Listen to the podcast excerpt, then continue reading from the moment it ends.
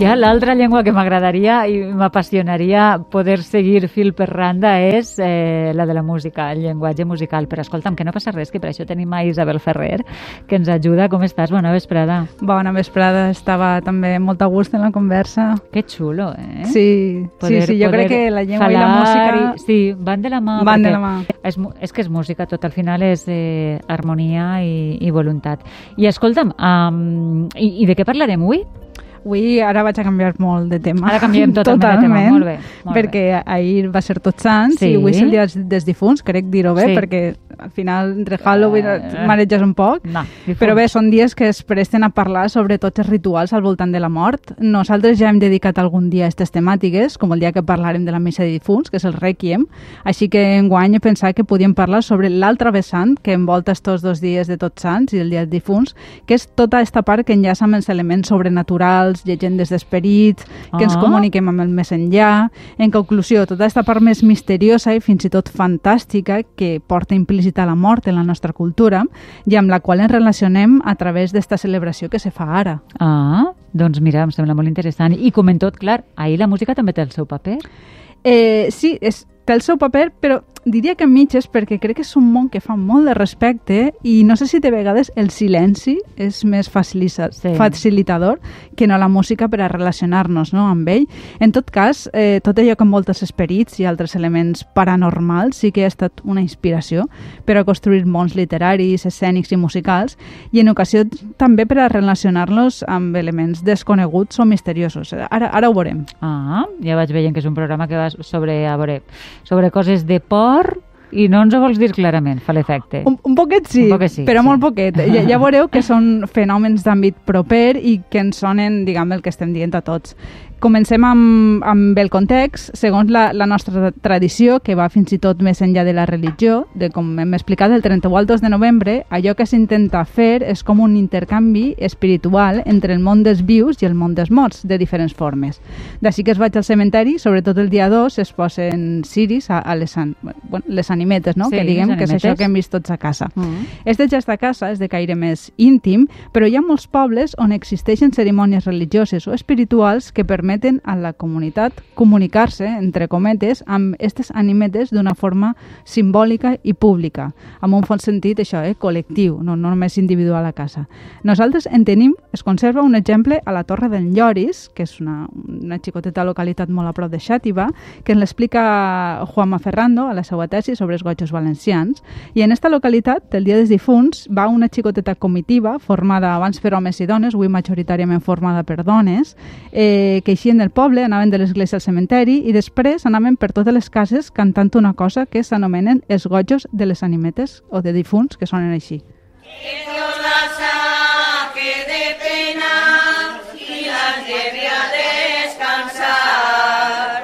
Allí tienes a tus padres, madres, hermanos y abuelos. Estan parlant a les animetes, no?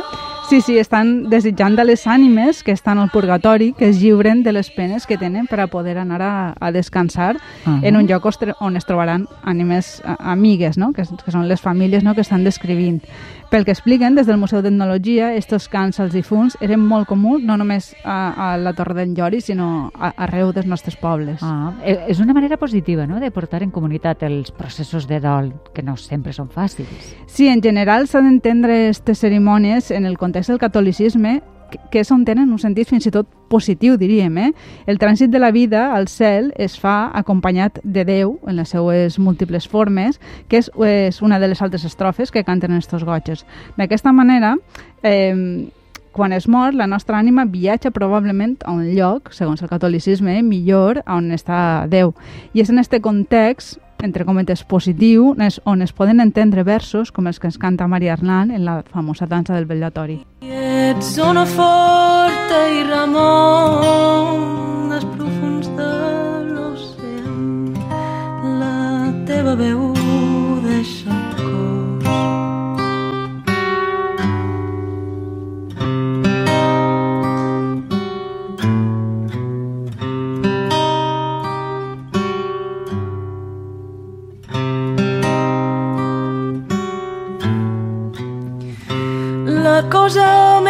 dolça dolça i fina, la cosa més És que em dolça fa... Em sap greu parlar damunt de- d'esta veu meravellosa de Maria Arnal. Fa posar els pèls de punta, eh? I clar, eh, així també s'entén això que sempre ens deien, no? Que la nostra ànima només aniria al cel si, si ens havien portat bé. Sí, és així l'altra funció en què utilitzem la mort en el nostre context. La mort també representa, per motius obvis, la por a allò desconegut, al no saber. I si partint d'ací, eh, esta por a la mort, com a ens desconegut, passa a tindre un poder moralitzant per als vius. És a dir, allò que et diuen, no? Ves en compte amb què fas a la vida, que després ve la mort i potser t'exposes a coses millors. En altres paraules, si fas això o allò malament, aniràs a l'infern. Ja. És, que és, I és on entra en escena eh, la figura del dimoni com a representant del mal. A veure, este discurs el coneixem molt bé, no? Des de xicotetes, eh, que l'hem escoltat eh, arreu, a l'escola, a casa, al carrer. Sí, sí, sí, i la figura del dimoni en realitat és que es representa el mal i la, la trobem estesa arreu d'Europa i per això mateix ha construït quantitat de referències per a milions de llegendes, obres d'art o rituals o novel·les, eh? infinit. Però en relació amb el dimoni hi ha una història en, en obres musicals que s'ha explotat molt, que és aquella on una persona ven la seva ànima al dimoni per a millorar la seva situació en vida. D'aquestes llegendes o rondalles també n'hi ha arreu i nosaltres tenim, els valencians, eh, la nostra pròpia versió que la recull Enric Valor, que és el jugador de, de, de Petrer. Eh, vos pareix explicar una miqueta l'argument sense fer massa spoiler? Ah, perfecte. Si no fem spoiler, vinga. per Sí. doncs sembla ser que a Petrer vivia un home fadrí de mitjana edat, família benestant, però que a més li agradava molt el joc. Avui en dia dirien que patia una, una ludopatia Ja. que feu que s'arruïnara. Desesperat, va invocar el dimoni, que se li va presentar, i en va negociar el següent tracte. El dimoni l'afavoriria per a recuperar els diners perduts a canvi de la seva ànima. El dimoni podia replegar l'ànima del jugador de Petrer passats uns 10 anys, però només podria fer-ho quan no hi hagués garrofes als garrofers. Ai, les garrofes. Molt saben de botànica, eh, a Petrer. Mm. I jo em pregunte, I- Isabel, com sonaria això en música? Doncs això mateix es veu que es preguntaren a Petrer i per això demanaren al jove compositor David Valera que musicara esta llegenda que podeu escol- escoltar sencera al YouTube. Ell va triar una instrumentació molt interessant per a dolçaines, grup de metalls i percussió. M'ha costat seleccionar el, el fragment per a fer-ne un tastet, però jo crec que per a l'ensona molt de Wii, sens dubte, la, el trosset més apte eh, per a posar era el que descriu el dimoni.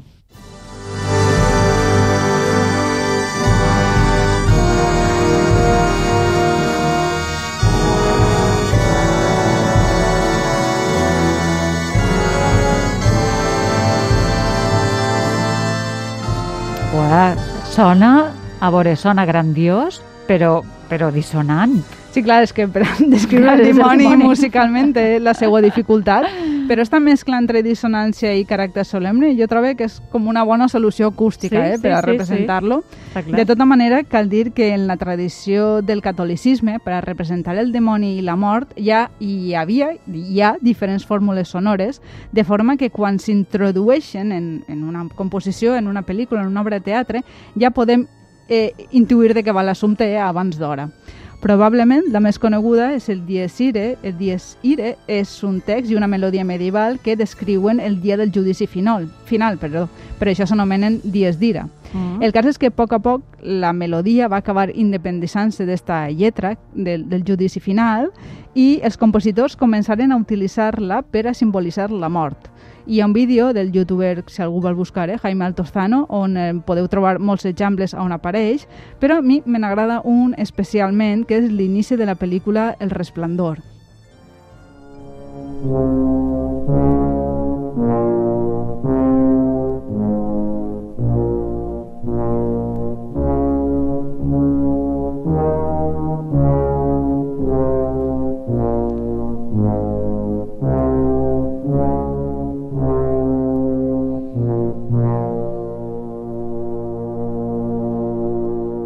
Jo no sé si teniu en ment l'escena de la pel·lícula, però és al principi i va néixer en un cotxe per unes Sí, muntanyes, sí. és, una, és una escena totalment idíl·lica i bé, esta música és una creació de la compositora Wendy Carlos i és una versió del Dies Ire i justament eh, ens obre tot un món per això, eh, perquè gràcies a la música intuïm que Clar. alguna cosa Passarà. Passarà. I, I no serà bona. i no serà bona, exactament. Ahà. Eh, la música ens anuncia perfectament no? que, que vindrà posteriorment i sabem que serà alguna cosa, no ho sabem per què, però clar, relacionada amb la mort. Sí, eh, eh, en, este, en este cas eh, és inquietant, no? ja la Sí. música en si no tenim tampoc per què relacionar el Diesire, però ens introdueix en l'intriga d'alguna forma i qui sàpia identificar la melodia pot llegir més enllà. És una manera poc subtil eh, de, de Ahà. dir què passarà. Eh, és com si la mort s'estiguera anunciant, que és una altra imatge molt comuna en la nostra cultura. I ja l'últim nivell on arriba la por que ens produeix la mort seria ja quan directament ens parlen els, els morts. Si vos fixeu, primer hem vist com, parlen, com parlem nosaltres a les ànimes, després al món dels vius ha vingut el dimoni, i, i ara anem a veure com des de la cultura popular fins i tot tenim mostres d'això, eh, de quan els morts ens diuen alguna cosa, probablement també sempre històries inventades buscant este poder mo moralitzant que pot arribar a tindre la mort. Ahà. Doncs no vull saber quin àudio has portat, eh? ni què escoltarem, perquè clar... Sí, ho he pensat, però per ara jo crec que per a, per esglais en la factura de llum ja, ja és suficient. Ja, ja, ja sí, prou. però ara seriosament he recobert una història i una peça musical associada que ja hem parlat així a l'Em sona molt, Sí. que és per la flor del lliri blau. Ahà. On sabeu és la història de tres prínceps que han anat a buscar un lliri blau per a curar al rei d'una malaltia amb la Sí. promesa de que qui ho aconseguisca després serà el proper rei. Gràcies a la seva bondat, amb, un, amb una fetillera, és el més menut qui la troba, però els altres dos germans, per enveja, el maten. Aleshores, el Giri parla a son pare, narrant en veu no, un poc de, de, de la mort i del germà esta bestialitat. Joaquín Rodrigo instrumenta esta història i ara escoltarem la part on, diguem que el, el Giri parla, el germà parla a través del Giri en esta melodia.